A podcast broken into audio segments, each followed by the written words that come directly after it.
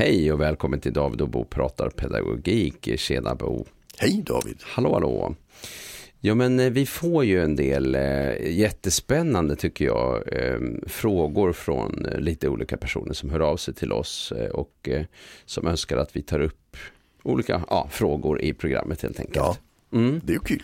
Ja men det är väldigt roligt och, och det, det uppmuntrar vi till. Hör gärna av er. Eh, och ehm, Maila gärna David för han har bättre koll på att få ordning på det än jag. eh, David at psykologdavid.se kan man mejla. Mm. Eh, jo, och ehm, eh, ibland så blir de här frågorna lite, lite intressant ställda. De, Mm. de kan till exempel handla om hur man i skolans värld eller förskolans värld ska försöka få ett barn att göra någonting eller förstå någonting eller agera på något visst sätt. Mm. Ehm, och i- idén är att ett barn som har en ganska påtaglig och tydlig funktionsnedsättning, kanske en diagnos, kanske autism eller något annat, ska helt enkelt förändras. Så det är det som är själva frågeställningen. Hur gör man när ett barn, Mhm. Ja. hur får vi honom och henne att, Mhm. Precis, jag, ja, jag, jag, den har, typen. jag har en sån sak jag brukar säga. Det är Ja. att alltså, när jag får en fråga jag inte har bra svar på, Ja. då är det fel fråga. Eh, och med det där menar jag att alltså, man kan ju, alltså jag jobbar inte med behandling. Eh, Nej, Och det gör inte du heller. och det gör man inte i skolan Och det heller. gör man inte i skolan heller. Nej. Men behandling det definierar vi ju som att vi ändrar på något i barnet. Ja, Så att barnet framefter kommer att bete sig annorlunda. ja, Och, och det är inte det vi sysslar med, du och Nej. jag. Och det är inte det vi sysslar med i skolan heller. När det Nej, kommer till precis. beteende. Utan det, det uppdraget vi har det är ju att skapa förutsättningar för undervisning. Och det skulle man kunna göra genom att skruva på barnen. Men det, det, är ju som är intressant då är det ju... svåraste. Ja, men precis. Det som är intressant då, det är ju att i skolan så jobbar lärare med Mm. att lära barn alla möjliga olika typer av saker och färdigheter och allt möjligt. Så de har ju, man har ju så att säga i skolans värld ett, ett väldigt tydligt fokus på att träning ger färdighet. Ja, det, det är Eh, inte konstigt. Men, nej, Eh, men när det gäller beteenden, mm, eh, det är då vi börjar prata om behandling och inte bara liksom träning. Träning, liksom Ja. träna matte eller träna läsning eller någonting. Men jag brukar också säga att vi, vi kan träna färdigheter och vi kan träna strategier. Ja, Men vi kan inte träna förmågor. mm. Alltså, och, och med det menar jag att eh, i matte till exempel, där kan du träna mattefärdigheter. Men vi har ju en halv procent av alla barn som aldrig någonsin kommer lära sig att dividera oberoende hur vi gör. För de har ganska enkelt inte förmågan. det är för svårt. Och det är det vi kallar dyskalkyli då. Och det är ju inte så jättemånga som har så pass gravt men, men det är några, några få stycken. Och det kommer vi ju inte kunna träna hos dem. Men hos alla andra, där måste vi ju träna färdigheten när förmågan väl är där.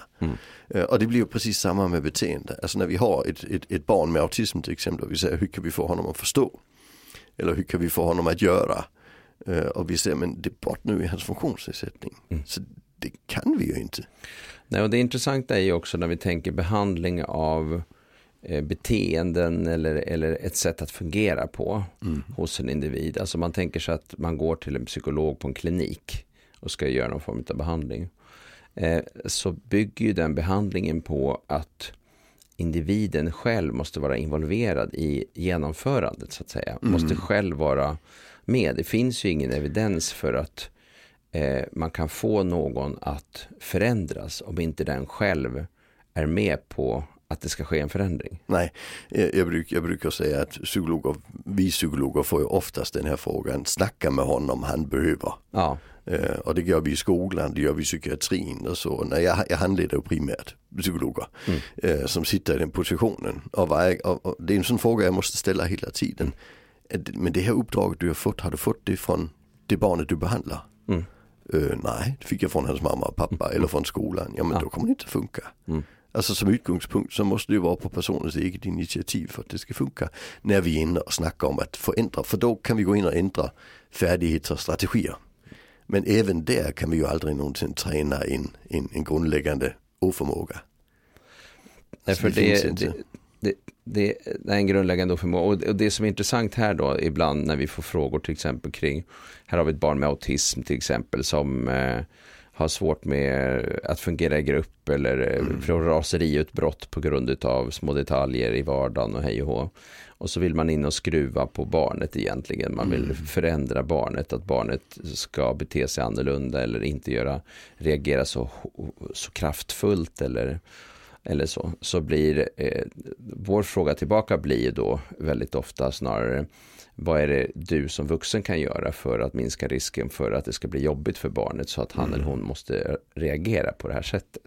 Ja, och alltså vi definierar ju den typen av beteende som är utåtagerande och liknande genom att säga att ja, när vi har för höga förväntningar på barnets förmåga, där kommer den här typen av beteende. Så vi måste in och säga, vad är det för förmåga du egentligen som personal förväntar dig att det här barnet kan, eller som förälder, det gör vi också. Uh, och, och, för den är ju tydligen inte där. Mm. Alltså, så, så var väldigt tydlig med att det är det vi tittar på. Det är så Just vi gör. Det är, bristande förmågor måste vi förhålla oss till. Eh, bristande färdighet så kan vi träna.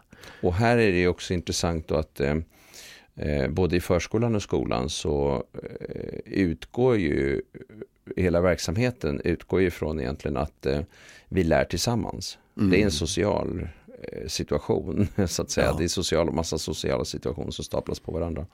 Ehm, och har man väldigt stora svårigheter med det sociala samspelet så är det väldigt mycket som ställs på sin spets mm. hela dagarna egentligen. Ja precis, alltså, mm. och, och, det är också det här med, jag, jag brukar definiera när vi, när vi pratar om förändringsarbete kring en elev så, så har vi tre olika fält vi kan jobba med. Alltså vi, vi kan jobba med stöd. Alltså vi kan, vi kan skapa andra förutsättningar mm. så att det funkar bättre. Det är att jobba med stöd. Där har vi liksom inte som mål att personen ska utveckla sig. Utan vi har som mål att, att dagen idag funkar. Mm, ja. Sen kan vi jobba med träning där vi har som, mål, som mål att personen utvecklar sig. Och vi kan jobba med, med behandling av psykiatriska symptom. Mm. Alltså och de två sista kräver ju att personen vill det. Ja, eh, och, och, och, de, och, att vi liksom kan jobba med att det är intressant eller spännande. Vi får med oss personen på det och ja. personen förstår liksom någon slags poäng med det man håller på med och så vidare. Så, vidare. Ja och att personen har de grundläggande funktions... funktionsförmågorna. Liksom, för det, så är det ju. Alltså, ja. vi, vi, och har man inte det då får man jobba med anpassningar. Ja. Alltså, och då blir frågan felställd när man säger hur ska jag skruva på barnet? Ja precis, alltså, mm. det, det, är ingen som tänker att men, nu, nu har vi en, här en en, en, en, person med en, en muskelsjukdom och, och, vi skulle vilja att han äh, inte har rullstol i skolan. Mm. Utan vi vill ju att han ska kunna gå som de andra, hur ska vi göra? Mm. Och den, den, den är ju felställd den frågan. Mm. mm. Och det är ibland samma fråga när vi säger hur kan vi få det här barnet med autism att ingå i de sammanhangen vi ställer upp. Uh, jag, jag, är väldigt uh, stor fan av Gustav Sund, mm, ja. skolgårdsläraren. Uh, och, och, det handlar bland annat om att han tar ju tag i, i något vi inte tagit tag i innan. Vi har accepterat att det är konflikter på skolgården i mm. över hundra år. Mm. I, i, I folkskolan, liksom, grundskolan. Och plötsligt kommer det in en, en fritidspedagog eller två, var det väl från början. Och säger det här kan vi göra annorlunda. Och genom väldigt enkla egentligen processer och arbetsförändringar i, i rollerna man har så får man till att vi, vi slipper det det är ju ganska spännande tycker mm. jag. Ja, eh, så, så vi, och det, det de gör det är att de ändrar förväntningarna mm. på eleverna. För, för just den här att, att skicka ut 532 elever på en skolgård i 20 minuter utan en plan, det är alldeles för stora krav. ganska till, intressant. Ja, ja till, till alldeles för många barn. Liksom. Alltså det, mm. mm. det, förmågorna finns ju inte där för att lyckas i den situationen. Men plötsligt har vi någon som för tio år sedan tog tag i detta och säger det kan vi göra bättre. Mm. Och, och, så tänker jag vi kan göra på alla möjliga plan. Alltså också i förskolan. Gå in och snacka om, ja, men, vad är det vi misslyckas? I vilka situationer är det? Hur kan vi göra detta bättre? För det, det är inte så komplicerat egentligen. Man måste bara förstå att det är vi som måste göra jobbet och inte eleven som ska ändra sig. Det är det som jag tycker är ganska intressant på de här skolgårdarna när man faktiskt har jobbat med, framförallt är det ju i de lägre åldrarna men ibland är det också högre åldrar som man har jobbat med med miljön och försöka hitta tillräckligt mycket aktiviteter och tillräckligt många, i högstadiet kanske också tillräckligt många ställen att vara på och hänga på och göra saker och ting. Eh, eh, ja, alltså aktiviteter som man kan göra helt enkelt. Men mm. i, framförallt i låg och mellanstadieskolor så har jag stött på det där att man verkligen har jobbat aktivt med att hitta aktiviteter för eleverna och att det har varit väldigt, väldigt betydelsefullt. Och det som jag tycker är så spännande då det är ju att eh, man just beskrivit att eh, konflikterna i klassrummet när de kommer tillbaka Mm. in i klassrummet har minskat väldigt mycket. Eh, att man har färre konflikter men att man också löser konflikterna mycket mer ute på gården på plats. Inte så Mm. att konflikterna bara försvinner utan att man faktiskt måste lösa dem. För konflikter uppstår och det är ju också en möjlighet till lärande Ja, när konflikter uppstår. Det är ju socialläraren, det är, det är ju inget konstigt. Men, men just att det Och ska det inte ska man- ta 45 minuter efter stora rasten Nej, varje dag det. i Och hela det är därför som, lågstadiet. nej. Och det är därför som man måste ha, ha eh, liksom tillräckligt mycket folk ute som också kan lösa konflikter där de händer och, och, Mm. och så. Eh, men det de har gjort då, det är ju inte att de säger att den här den här problemeleven måste skruva på, utan man har ju tagit ett tag över hela systemet och sagt Mm. att vi vuxna får ta ansvar för att se till att det blir någon förändring. Eh, Vi eh, ordnar fler aktiviteter, roligare aktiviteter, mer saker att göra, fler vuxna på tydligt placerade, utplacerade på bra ställen och, Tydliga roller. och, och tydliga roller och, och vi kallar dem inte vakt, eh, sk- Mm. eh, att de är rastvakter utan Mm. att de har en uppgift där ute och så vidare. Mm. Eh, Och det är ju egentligen att plocka hem ansvaret tillbaka till de vuxna Ja, och inte lägga det på att eleverna måste förändra sig. Mm. Eh, Och det är ju ganska intressant för jag stöter väldigt ofta på den här idén om att det är om att det är föräldrarna som måste förändra sig. Mm. Alltså att skolan säger att föräldrarna måste förändra sig. Därför att eh, de, de, de ser inte till att deras barn är, är liksom i bra skick när de Mm. kommer till skolan. Eh, För att liksom kunna eh, ta hand om alla de saker som man ska göra när man går i skolan. Mm. Eh, Så. Eh, Och det tycker jag är ganska intressant. För Ja. då lägger man ju ansvaret ytterligare på någon annan eh, någonstans som man egentligen inte heller kan påverka.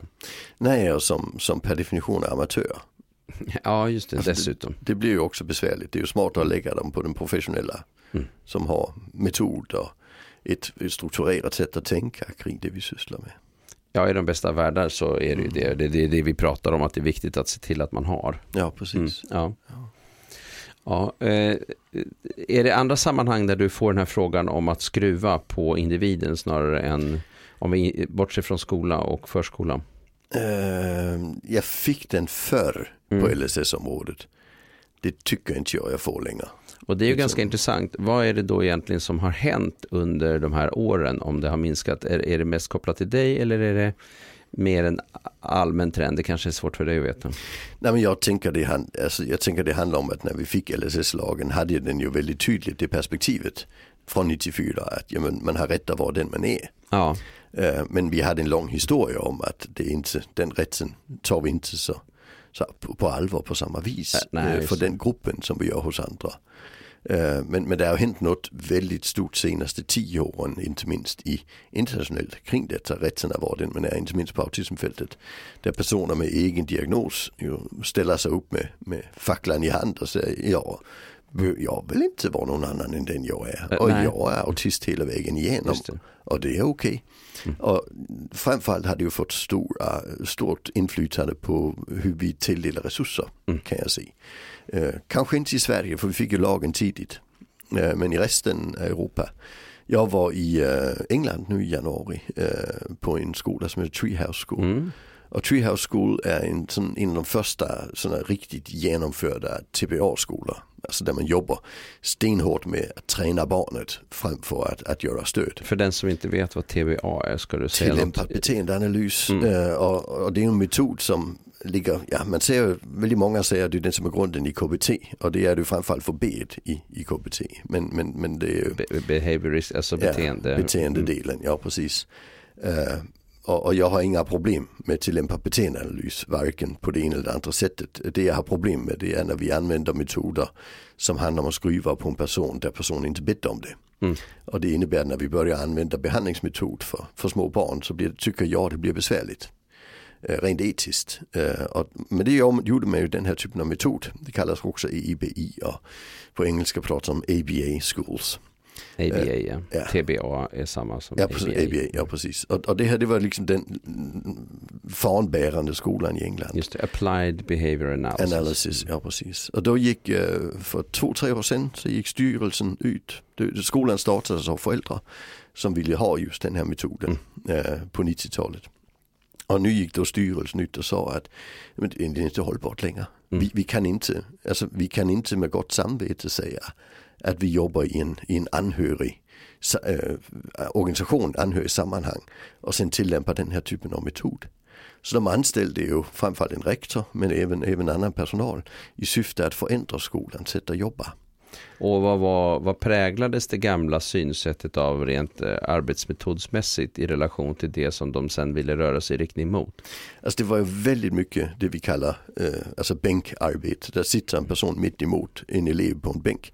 En till en träning? Ja, och, och det var träning och även i de stora delarna, eh, alltså de stora utrymmen och så, så var det ju mycket byggt upp kring att det var väldigt mycket alltså belöningssystem och liknande. Men det var också väldigt, väldigt många situationer där eleverna på något vis hamnade i att de inte gjorde rätt och agerade ut och sen blev väldigt våldsamt omhändertagande. Och det var där skolan först såg sitt problem. Att vi kan inte hålla på och vara så här våldsamma mot våra elever.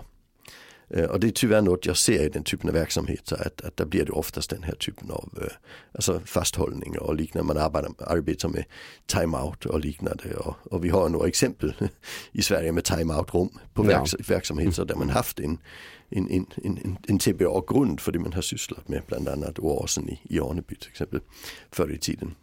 Som ju till slut blev polisanmälda av, av IVO. Det är ju ganska intressant får man ju säga. För ja det är tungt. Ja det är tungt ja. Eh, så det börjar med att man sa att vi kan inte ha den här typen av metod, det är inte hållbart. Eh, och då kom man fram till att vi kan inte ha den här typen av tänk, det är inte hållbart. Och anställde då äh, ny ledning. Och sen sa de när jag var där, de sa, ja men vi, vi, när vi började utbilda så fick de in alltså teach-folken från eh, strukturerad pedagogik, tydliggörande pedagogik.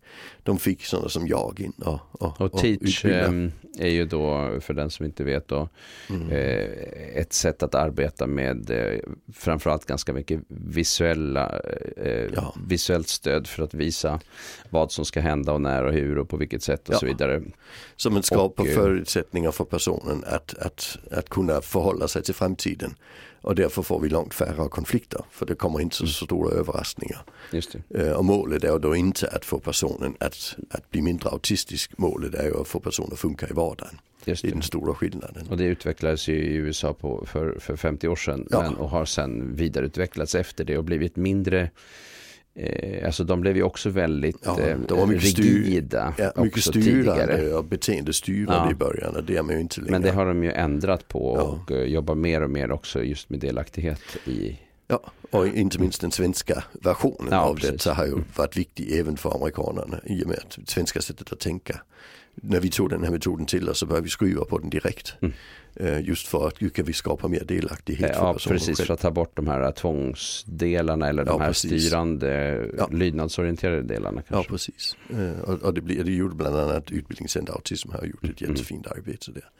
Men i alla fall, det, det var, så den processen var han med igång i och där hade ju en tredjedel, när jag var där nu så hade en tredjedel av personalen eh, betyd. Mm. De hade sagt upp sig, mm. de vill inte jobba på detta viset eh, och, och ledarna av skolan sa när man kommer på autismkonferenser och så, där blir man ju fortfarande sett snett på av resten av autismfältet. Eh, och det är ju något de jobbar med, hur kan vi bli accepterade? Mm.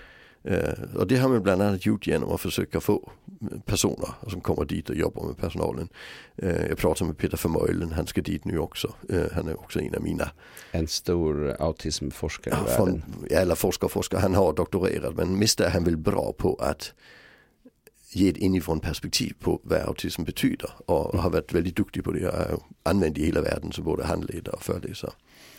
Eh, så han är jättebra. Han har skrivit en helt otrolig bok. Jag tycker vi ska ta ett, av, ja. ett, ett, ett, ett, ett, ett avsnitt, avsnitt om så småningom som mm. heter, uh, den heter, uh, vad fan heter den? The, the, uh, det låg precis på tungan, du vet hur det är va? den heter The Predictive Brain. Ah. Mm. och, den hit, och det handlar det. om att tänka konkret i ja. en abstrakt värld. Liksom, hur, vi, hur vi tänker i. Behovet av förförståelse och för, förberedelse.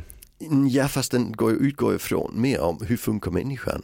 Ja, ja, och varför ja. blir det då fel när man har autism. Ja, ja okay. så, och, och där, där tar han ju också just in TBA eh, principerna bort. Alltså det, det, vi, vi agerar inte på det som händer i situationen, vi agerar på vår föreställning om vad som kommer att hända. Mm. Eh, och det är ju sånt som evolutionspsykologer håller på med också. Så det, det, det betyder att när föreställningen är dålig, då blir det fel.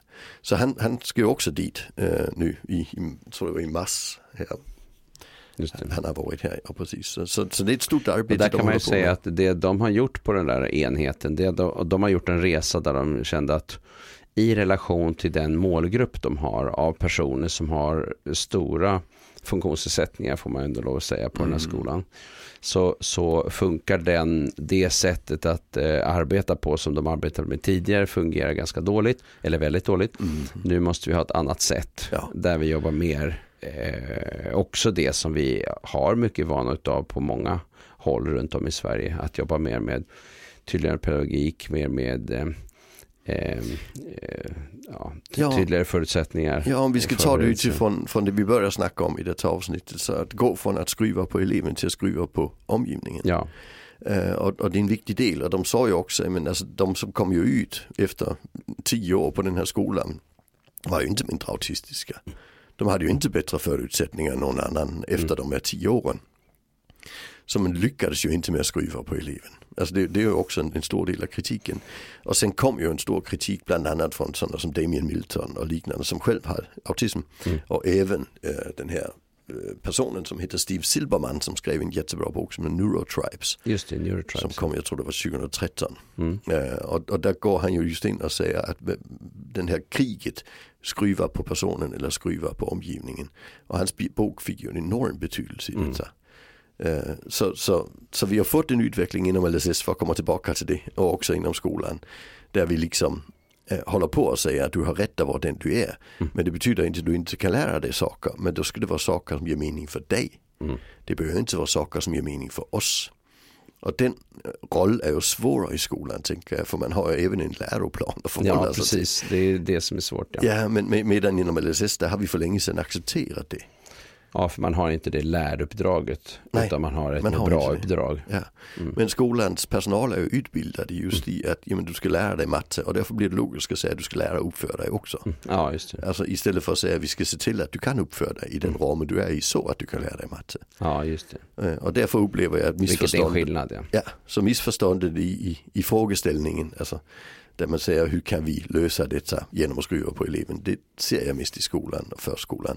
Därför att det passar in i i, i det uppdraget de har utöver beteendet. Men vi mm. ser det inte inom LSS.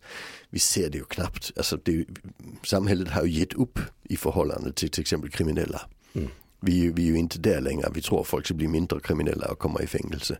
Utan vi ju till och med tar bort de här behandlings insatserna i större och större utsträckning. Ja, ja, ja, men det, det gör vi ju. Ja. Vi, vi, har inte, mm. vi har inte utökat behandlingsinsatserna fast vi har sett till att fylla fängelserna betydligt mm. mer. Mm. Så vi håller på att montera ner den delen som handlar om att skruva på individen även i fängelserna. Fast kanske av andra orsaker. Att vissa tycker att de som egentligen i vanliga fall vill skruva på folk säger att de här behöver vi inte skruva på, de har inget värde. Mm. Det är ju en intressant utveckling också. Mm. Mm. Just det. Ja, eh, och det leder oss också tillbaka till, den, till en, en fråga som många tror jag känner igen sig i. Eh, också som till exempel psykologer som handleder eller specialpedagoger som handleder ute i verksamheter och andra som, som är eh, just det här att det finns en efterfrågan ibland hos eh, de som har önskat handledning eller vill få hjälp med ett problem eller så. Att man ska gå in och hitta en lösning där personen i fråga, individen i fråga, barnet, eleven eller vad det är, mm. ska eh, förändras. Hur ja. ska vi göra med den här så att han eller hon förstår eller gör eller, eller, eller så. Eh, och eh, jag kan ju känna igen att det finns en process där. Där man behöver eh, liksom fundera, eller där man behöver jobba med frågan om hur man hittar till, till en gemensam formulering av problemet som är möjlig att jobba med tillsammans. Ja. Så att eh, man har en förväntan om vad det är man ska göra tillsammans. Mm. Som överensstämmer med vad som faktiskt också eh, är möjligt att göra. Ja. Eh, för det är ju inte så att vi går in och eh, liksom tänker att eh, här har vi en elev med ADHD, vi ska få personen att sluta ADHD eller vi ska få personen att sluta ha dyslexi eller autism. Utan det är en funktionsnedsättning. Däremot så måste vi fundera på vad är det vi kan göra för att personer med ADHD fungerar bättre i skolsammanhang då, om vi tar det till exempel. Mm, precis. Hur ska vi då göra en undervisning som är intressant? Hur ska vi hjälpa mm. eleven? Hur ska vi prata med eleven? Eh, och så vidare. Och, så vidare. Mm. Och, och, det är en liten processfråga jag tycker är spännande. Ja. Det är när man som, som specialpedagog eller annan får den här frågan. Så ska man säga, vet du, det är en fråga jag inte ska svara på. Mm. Hur skulle vi kunna formulera om den här frågan så vi kommer fram till något jag kan svara på? Mm, mm, mm. Det är, så, det är så jag började tänka för 15 år sedan eller något. Mm. Istället för att, säga, att försöka leta reda på och försöka säga att du ska, du ska inte behöva tänka på detta. Så säger man, den frågan kan inte jag svara på. Men kan vi omformulera den så vi kan svara på den tillsammans? Alltså det låter, man skulle kunna också tro då att eh, du säger så därför att du inte har kompetensen att ja. kunna förhålla dig till till, till det. Men det du ju egentligen säger nu eller har pratat om nu det är att vi har ingen evidens för att faktiskt eh, åstadkomma förändring hos en person som inte själv är involverad i att göra jobbet. Mm. Och då är det inte bara en fråga om att du inte har svaret på den frågan utan det är också en fråga om att vi har inte en möjlighet egentligen utifrån det sätt som vi jobbar mm. på, till exempel i skolans värld. Ja, att just gå in och skruva hur som helst på nej, folk men, men så att de tänker, blir annorlunda. Jag tänker också att vi får en bättre process om, om vi säger, vet du den frågan har jag inget svar på. Kan du och jag formulera en fråga vi mm. kan svara på ja. tillsammans? Ja. Och då får vi ju en mycket, mycket bättre process. Ja, just det. För då involverar man också personen som ställer frågan i ja. att vara med i processen. Precis, och det, det, tycker jag har ett väldigt stort värde. Mm, det. Eh, det. det. handlar ju om, i, i en handledningssituation ska vi ju akta oss för att hamna i vi behöver fler pengar, vi mm. behöver fler resurser, föräldrarna behöver ändra sig vi vill ha en annan unge än den vi har. Mm. Alltså de funkar ja, liksom inte någon Eller ungen ska väck. Nej, det mm. funkar inte någon utav dem. Uh, jag hörde en, en, en, en jätterolig uh, utgångspunkt också. Det var, jag kommer inte ihåg vem det var som sa det men det var liksom någon elev som man ville ha bort från skolan och kommer till rektor och säger att han ska inte vara här. Och så säger rektorn, men det är inga problem, vet du vad jag vill ge ett uppdrag. Hitta de tre eleverna som inte passar på vår skola. Jaha, sa de. Sen, ja, då ska jag se till att de kommer bort härifrån. Och wow, sa de. Ja, sen snackade jag med min kollega på grannskolan. Sen hittade de också tre. Sen byter vi. för det tycker jag är en ganska intressant eh, formulering. För att man pratar ju, och, och det finns ju Alltså rektoren har ju möjlighet att, eh, att eh, stänga av en elev eller liksom mm. att förflytta någon. Alltså den här idén om att förflytta någon. Eh, men det är aldrig någon som pratar om vad ska man förflytta eleven till? Nej, precis. Och hur glad är den rektorn som ska ta emot den här eleven som eh, har straffat ut sig 39 gånger på den mm. första skolan. Eh, det är ganska intressant. Vi har ju fortfarande en obligatorisk skola. Ja. så att, eh, alltså det gäller att ta reda på vad kan vi göra för att få detta att funka ja, istället för att få bort eleven eller skruva på eleven. Det tycker jag är utgångspunkten. Ja. Så skick, skicka jättegärna frågor. Vi, ja, gör det. Ja, vi älskar det. dem men, men, men fundera lite över din fråga. Är min fråga en sån som går att svara på? Eh, eller, eh, eller är det en sån som egentligen är felställd och det är därför jag har hamnat i den här maktlösheten som får mig att ta till tangenterna och skriva till David. Mm. Det är ju intressant. Ja, fast vi måste ändå säga att vi är glada för alla frågor, även om de inte är helt genomtänkta alla gånger. Ja, det är inte, ja. Nej, man måste inte vara genomtänkt bara för att komma. Man behöver inte vara det, det är sant. Nej, så skicka era tankar. Mm. Ja, men det är bra. Jättebra. Tack för idag. Tack. Hej.